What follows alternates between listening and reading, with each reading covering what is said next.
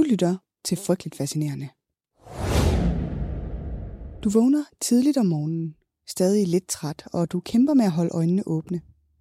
Du kigger ud af vinduet, og solens første stråler maler himlen i fine pastelfarver. Det er en helt almindelig dag som udstationeret amerikansk soldat i det sydlige Korea. Helt almindelig indtil nu i hvert fald. Du tager hurtigt din militæruniform på. Den samme uniform, som du har haft på hver dag.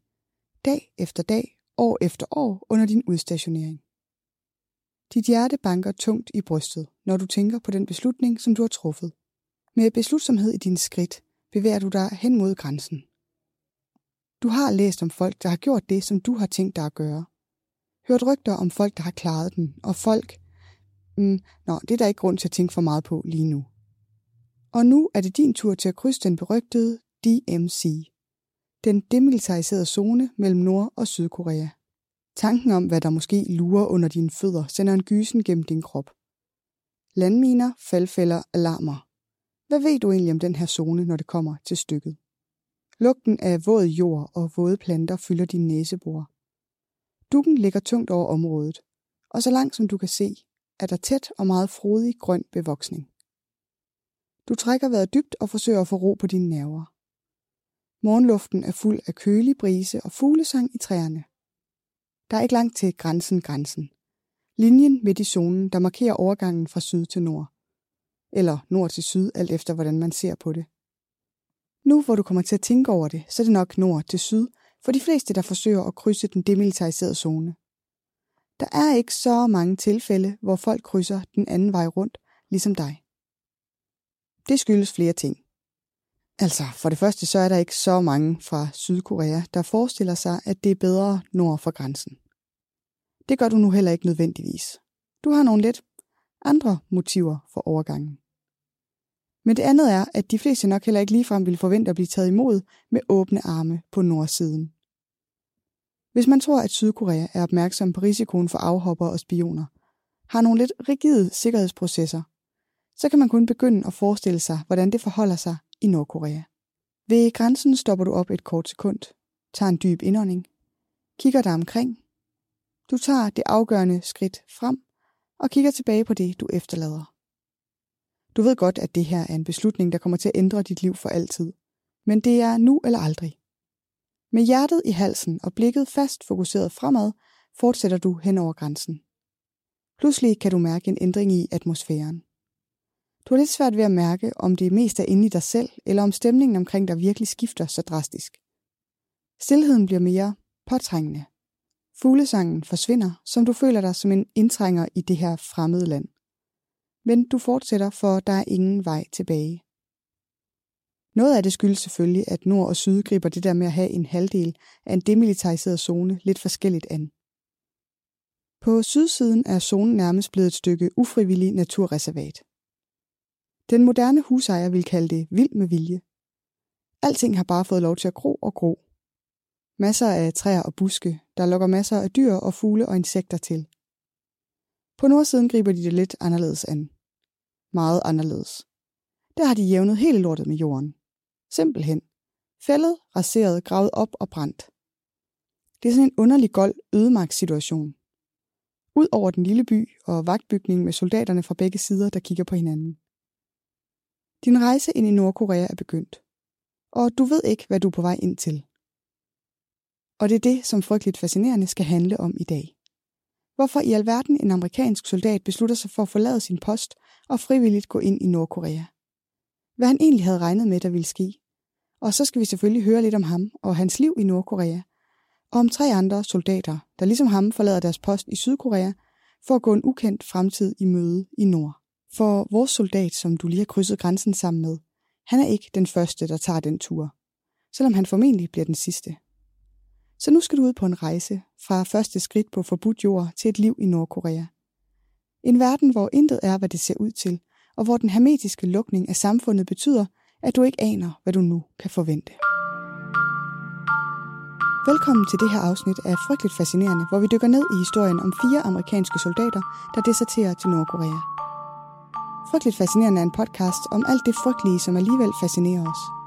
Her nørder vi helt ned i detaljen i nogle af de mest opsigtsvækkende og uhyggelige fænomener og begivenheder i historien. Velkommen til. Dagens afsnit er en undtagelse. En afvielse fra planen. En anomali, kan man sige. For hele Korea-juni var planlagt. Og mere til, faktisk. Gennem en benhård prioritering var emner blevet valgt og fravalgt og lagt ind i planen. Pænt i rækkefølge. Men altså, så kom min gode ven Benjamin med et forslag, og han spurgte sig pænt og sendte links og det hele. Og så var der ikke noget at gøre. Ikke sig, at jeg ikke er en imødekommende podcaster. Så det er Benjamins skyld, eller fortjeneste alt efter, hvordan man ser det, at vi i dag skal høre historien om fire amerikanske soldater, der deserterer og ender i Nordkorea. Og det er lidt af en historie. Så det er ikke så dårligt. De andre Korea-historier kan jo altid gemmes til en anden god gang. First things first, for jeg ved, at det er det, du allerede tænker. Hvad i alverden laver vores soldat i det uhyggelige ingenmandsland mellem Nord- og Sydkorea? Som jeg tissede for i introen, så er det ikke som sådan, fordi vores soldat tror på den propaganda, der fra tid til anden siver ud fra Nordkorea. Han drømmer ikke nødvendigvis om et liv i en form for kommunistisk utopia. Han har godt nok hørt den optagelse, som i 1962 blev spillet ud over det nordkoreanske højtalersystem og ud over den demilitariserede zone til de amerikanske soldater, som bevogtede sydsiden. På den havde den nordkoreanske propagandaindsats fået en tidligere afhopper, James Dresnok, til at indtale en serie af beskeder, hvor han beskriver sit luksuriøse liv i det kommunistiske utopia i Nordkorea. Alle beskederne sluttede med et budskab om, at alle amerikanske soldater, der deserterer til Nordkorea, kan have samme fantastiske liv som ham. Og jeg ved godt, at det er sådan et stykke info, der åbner op for flere spørgsmål end svar. For som jeg netop også kort var inde på i introen, så er vores soldat heller ikke den første soldat, der er afhoppet til nord. Før ham har tre andre soldater taget turen, og det er altså en af dem, som den nordkoreanske regering bruger i deres propagandamateriale. Og selvom vores soldat har hørt den propaganda, så tror han ikke som sådan på det. Det er gennemskueligt nok, at det er noget, Nordkorea har orkestreret. Så hvorfor i alverden er han så på vej over den zone? Det er altså ikke uden risiko. Der er ikke nogen, der aner, hvad der ligger under jordoverfladen. Da jeg selv var i Korea for nogle uger siden og tog en tur op til den demilitariserede zone, så var det noget af det, der gør størst indtryk på mig, at der faktisk bor folk i zonen nu. Altså folk-folk i små byer. Hvordan i hele hule helvede overbeviser man nogen om, at det er der, de skal bo? Det går over min forstand. Eller altså, det går ikke over min forstand, hvordan de får nogen til det i Nordkorea. Der gør folk nok rimelig meget, som de får besked på. Men i Sydkorea? Vores guide fortalte os, at de første indbyggere på begge sider af grænsen levede i konstant frygt for landminer.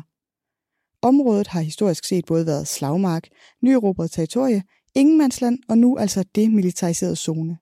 Så ingen har noget egentligt overblik over, hvad der ligger under jorden. Nogle steder. Af samme grund er sprængningsulykker og dødsfald ret almindelige for de første indbyggere, der bor i zonen.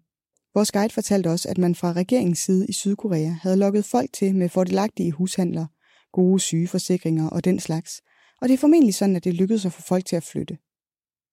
Anyway, det er den zone, som vores soldater er på vej igennem, og på det her tidspunkt er den både svært bevogtet på begge sider af grænsen, og altså fyldt med efterladte miner og fælder fra begge sider af konflikten. Og han har ikke nogen illusioner om, at der venter ham et luksusliv i et nordkoreansk paradis. Han er på vej til Nordkorea, fordi han flygter fra syd. Og selvom det kan lyde paradoxalt, så er det det faktisk ikke. For vores soldat, han er amerikansk soldat udstationeret som en del af koldkrigsindsatsen mellem USA og Sovjet. Og her i 1965, der er der sket noget, som har fået vores soldat til at blive lidt nervøs. De historiekyndige har allerede gættet det, og resten får lige lidt hjælp her. Det vil jeg også selv have brug for. For her i 1965 er USA gået ind i Vietnam. Og vores soldat, han føler ligesom, at han har taget sin tørn. Været med i en krig. Han er ikke sådan rigtig i humør til en ny udstationering i et nyt land. Overhovedet faktisk. Og han har også hørt historier fra Vietnam. Og det skal han ikke rigtig nyde noget af. Og en eller anden grund, så har han fået det ind i sit hoved, at Nordkorea deporterer amerikanske afhoppere tilbage til USA. Vist fordi han havde hørt om nogle lignende historier fra amerikanske soldater i det daværende Vesttyskland, der afhoppede til øst, og derefter blev udvekslet som en del af diplomatiske fangeforhandlinger mellem Sovjet og USA. På det her tidspunkt, så tror jeg ikke, at det som sådan er stået klart for de amerikanske soldater i Korea, at Nordkorea ikke som sådan er tæt diplomatisk knyttet til Sovjetunionen. Bevares, de sådan OK venner, fordi begge lande er kommunister, men det er altså ikke noget i nærheden af at være en Østtyskland-situation. Så Nordkorea står ikke lige umiddelbart og udleverer potentielt værdifulde gisler til Sovjet. Men for amerikanske soldater i Korea på det her tidspunkt har det hele, Kina, Nordkorea, Sovjet, formentlig bare været den kommunistiske blok. Man har ikke som sådan skældnet, så det har ikke været sådan helt håbløst at basere sin plan på forventninger fra Østtyskland. Og lige nu, så virker det bare som en mere tiltalende mulighed at blive sendt tilbage som desertør, end at blive sendt videre til fugtig junglekamp i Vietnam. Så hvor om alting er, så er vores soldat på vej igennem den demilitariserede zone. Med sig har han en riffel uden patroner, og ellers ikke andet end det tøj, han går og står i. Selvfølgelig spændt, men også med en vis forhåbning om, at han har taget den rigtige beslutning, som kommer til at ændre hans fremtid til det bedre. På turen gennem zonen går han målrettet, men forsigtigt. Med høje, langsomme, omhyggelige skridt, der hjælper med at undgå snubletråde. Og turen går godt i det store hele. En enkelt gang beslutter han sig for at krydse et krater fra en form for bombe eller mine, fordi turen omkring er besværlig. Krateret er ret dybt og fyldt med vand, men det ser bundfrosset ud. Men det viser sig ikke at være tilfældet, og vores soldat, som i øvrigt hedder Jenkins, går igennem isen og finder pludselig sig selv i mudret, iskoldt vand til livet. Det lykkes ham at kæmpe sig op, og han fortsætter turen i sit våde tøj. Han beskriver selv, at hans bukseben fryser til is og danner hårde cylinder, som ikke klæber koldt til hans ben, og det lykkes ham derfor at opretholde en nogenlunde kropstemperatur på resten af turen gennem zonen. Lige omkring daggry når Jenkins til enden af den nordkoreanske side af den demilitariserede zone. Og med det samme får en øje på den nordkoreanske vagtpost, der står bag et brystværn og har morgenvagten. I sit memoir beskriver Jenkins, at den nordkoreanske vagts øjne nærmest stod ud af hovedet på ham, helt tegnesageagtigt, da han får øje på Jenkins. Efter det følger nogle intense, stille minutter, hvor vagten formentlig har aktiveret en form for lydløs alarm. For hurtigt kommer 8-10 soldater løbende, åbner porten og pågriber Jenkins. Og på den måde, i et splitsekund, så er hans livsbane ændret for altid. Den første tid i Nordkorea går med afhøringer. Det siger sig selv, at grænsevagterne og soldaterne er noget mistænksomme. Og okay, Jenkins er ikke den første, men det er bare ikke hver dag, at en amerikansk soldat kommer spangulerende over grænsen. Så de afhører ham. Længe. Der er en del tortur involveret. I hans memoir beskriver Jenkins, at det er her alvoren af det, han lige har gjort, virkelig går op for ham.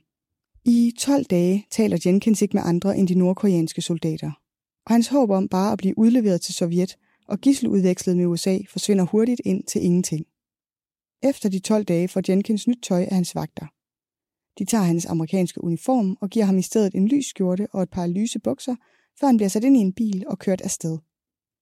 Efter et par timer ankommer de til et lille hus, der ikke ser ud af så meget. Som vi allerede har talt lidt om, så er der tre andre amerikanske soldater, som tidligere er deserteret og flygtet over grænsen til Nordkorea i perioden mellem 1962 og 1965. Og det er dem, der bor i det lille hus. Og det er dem, Jenkins slutter sig til i det lille hus, da han er færdig med de indledende forhør. For de bor, eller opbevares kan man nærmest kalde det, i et lille hus, der konstant er overvåget af mistroiske myndigheder. De fire soldater beskriver deres liv i Nordkorea som nogle gange lidt farligt, men de store hele mest monotont, ensformigt og præget af enorm kedsomhed. Og det er den kedsomhed, der står klarest i soldaternes hukommelse. Det betød ofte, at de i ren desperation for lidt underholdning tog nogle ret drastiske og nogle gange farlige beslutninger for at have det sjovt. Både ved at stjæle statsejendom og tage på farlige vandreture uden udstyr og træning. Ligesom alle andre nordkoreanske borgere får amerikanerne tildelt en leder, der skal gennemføre nogle regelmæssige sessioner, kan man kalde det, af selvkritik. Bare for at ingen ligesom får for meget selvværdsfølelse. Kunne gå hen og få nogle gode idéer. Det er en ret brutal praksis for alle, og som jeg har forstået det, så starter det allerede i folkeskolen, hvor børn på skift skal kritisere hinanden i sessioner, hvor de står i rundkreds om dagens kritikperson. De fire soldater oplevede jævnligt både vold og psykisk tortur som en del af dagligdagen. Men de var altid velnærede. Og det var de, fordi de skulle fremstå sunde, raske og glade på de propagandafoldere, som blev produceret og smidt ud over den demilitariserede zone i Sydkorea. Og selvom deres liv på mange måder var usædvanligt, så var det mest bizarre træk ved deres liv alligevel, at de alle på forskellige tidspunkter blev stjerner i nordkoreanske film. Ligesom så mange andre autokratiske regeringer, og ikke-autokratiske regeringer for den sags skyld, så er styret i Nordkorea generelt, og tidligere præsident Kim Jong-il i særdeleshed, meget optaget af propagandapotentialet i film. At fremstillingen af lande, styreformer og livsførelsen på film og i populærkultur har en betydning for, hvordan mennesker opfatter sig selv, hinanden, lande og regeringer, er ikke noget nyt. I al den tid mennesket har ønsket sig magt, har propaganda været et vigtigt redskab. Tænk bare på nazisternes jødepropaganda op til og under 2. verdenskrig. Hvis du nogensinde har undret dig over, hvorfor alle med et irsk efternavn i britiske film er onde. Hvorfor det altid er det tykke barn, der mobber andre børn på film. Filmstereotyper bidrager til befolkningsforståelser. Det ved magthavere verden over, og det ved Kim Jong-il altså også. Så i løbet af 1970'erne, mens hans far stadig er leder, i gang sætter han en omfattende indsats for at få produceret en hel serie af nordkoreanske propaganda-spillefilm. Og hele projektet er ret bemærkelsesværdigt. Han sender ledende embedsfolk på filmskoler i udlandet.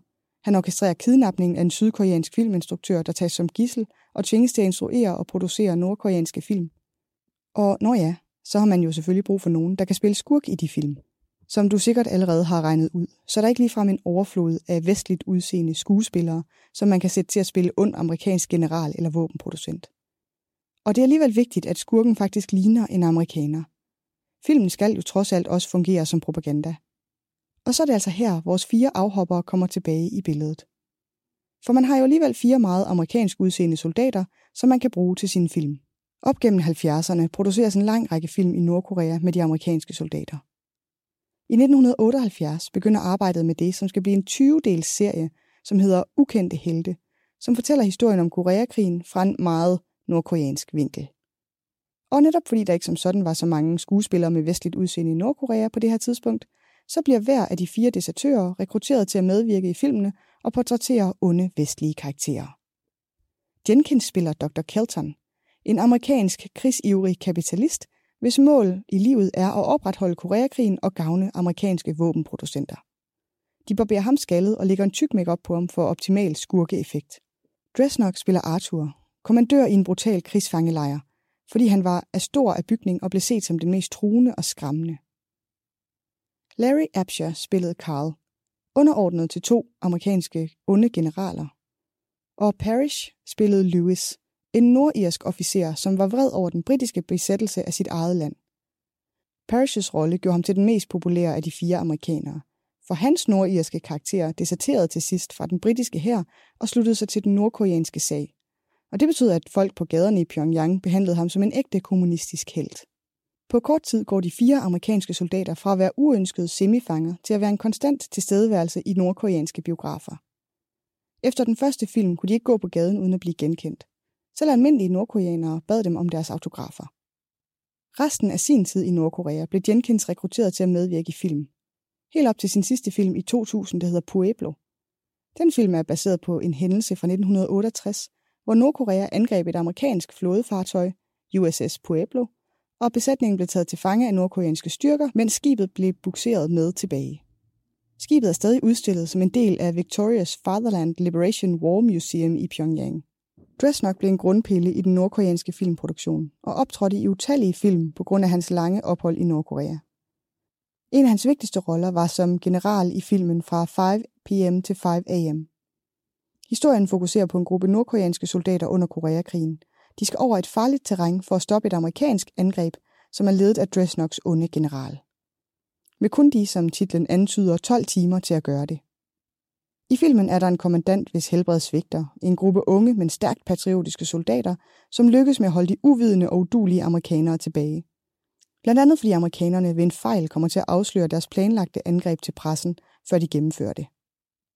Udover deres roller i nordkoreanske film, får de fire soldater også stillet til opgave at arbejde med at oversætte og tekste amerikanske film til Kim Jong-il.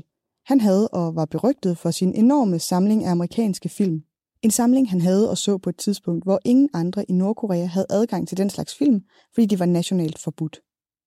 De fire amerikanere blev ofte bedt om at transkribere dialoger fra lydbånd med film. De transkriptioner blev derefter oversat og sat på filmene som undertekster til Kim Jong-ils private samling. Som regel blev transkriptionerne opdelt i forskellige sektioner, så desertørerne ikke kunne afkode sammenhængen eller forstå filmens indhold. Jenkins husker senere tilbage på, at han transkriberede en del af Mary Poppins, uden at have den fjerneste idé om, hvad der foregik.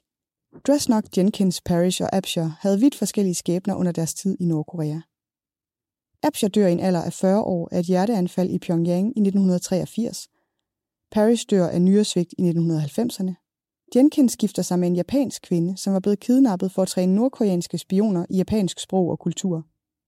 De to flytter til Japan i 2004, efter en aftale, som indebærer tilbagelevering af mange amerikanske kidnapningsoffre fra Nordkorea til Japan. Han fik en dishonorable discharge fra den amerikanske hær for sin desertering, og han forblev i Japan med sin hustru indtil sin død. Han skrev bogen The Reluctant Communist om sin tid i Nordkorea. Den anbefaler jeg varmt. Nogle steder bærer den lidt præg af det, som mange memoirbøger lider af. At man ligesom godt kan mærke, at det ikke som sådan er skrevet af en forfatter. At den er redigeret lidt hurtigt. Men hvis man kan se lidt hen over det, så er den virkelig god. Særligt hans beskrivelse af sin desertering gennem den demilitariserede zone, og hans beskrivelse af sit liv i Nordkorea er virkelig spændende. Den sidste soldat, James Dresnock, levede hele sit liv i Nordkorea med den familie og de børn, han havde fået der. Mens han var i live, gav han udtryk for, at han aldrig havde til hensigt at vende tilbage til USA. Han døde i 2016. Der findes vist en dokumentar om hans liv, som hedder Crossing the Line. Jeg har ikke kunne fremskaffe den, men hvis der sidder nogen med speciale i at opstøve film derude, så tager jeg imod med kysshånd. Og det er sådan set det, jeg har at fortælle om de fire amerikanske afhoppere, der deserterede til Nordkorea. Tusind tak for forslaget, Benjamin. Men før vi slutter helt i dag, så er det tid til en servicemeddelelse. For det første så er det her altså den forløbige afslutning på Korea-juni, som nu allerede har strukket sig lidt ind i juli, og derfor per definition bryder med konceptet nu. Sådan er der så meget. Men det kan være, at vi vender tilbage til Korea i efteråret. Jeg har i hvert fald en masse godt i ærmet stadig. Og det behøver jo strengt taget ikke være juni, for at tale om noget, der er sket i Korea. Men derudover så handler min servicemeddelelse også om ferie, og hvad der skal ske i podcasten hen over sommeren. Som du nok allerede ved, så er det rimelig meget et one-woman show. Og selv en nørdet og passioneret podcasttype som mig har altså brug for lidt ferie. Så det, som jeg har besluttet, at der skal ske i år, det er, at jeg laver en remaster af nogle af mine gamle afsnit og udgiver dem hen over juli og august. Og hvis du allerede nu tænker, hov hov, kan du bare det? Sådan udgive dit gamle bras i ny indpakning. Så vil jeg bare lige sige, at alternativet altså er en full-on ferie. Uden nye afsnit overhovedet. Så det her bliver kompromiset. Noget, der både er godt for mig og godt for dig, der lytter med. Og så er der altså løbet en del vand i åen, siden jeg lavede de afsnit. Det er nogle af de helt tidlige, som jeg kigger på igen. Så må ikke der både er nye oplysninger og en væsentlig forbedring i historiefortællingen. Det håber jeg i hvert fald. Og så er remaster selvfølgelig bare noget, jeg kalder det, fordi jeg synes, det lyder sejt og medieagtigt. Det er mere bare mig, der har arbejdet med mine gamle manuskripter igen. Gået til det på en ny måde, med alle de ting, jeg er blevet bedre til, siden jeg startede podcasten. Undgået at tilføje irriterende baggrundsmusik. Den slags. Ferieudgivelserne starter allerede i næste uge. Og så kan du jo håbe, at det er et af dine egne yndlingsafsnit, der lige får en tur igennem maskineriet igen. Det var afsnit 52 af Frygteligt Fascinerende. Researchet skrevet, optaget og redigeret af mig. Jeg hedder Maria. Næste afsnit kommer allerede i næste uge, og du kan lytte til det i iTunes, Spotify eller der, hvor du normalt lytter til podcast. Hvis du kunne lide det, du hørte, så sig det til din bedste ven eller til din mor. Det hjælper andre med at blive frygteligt fascineret. Tak for nu.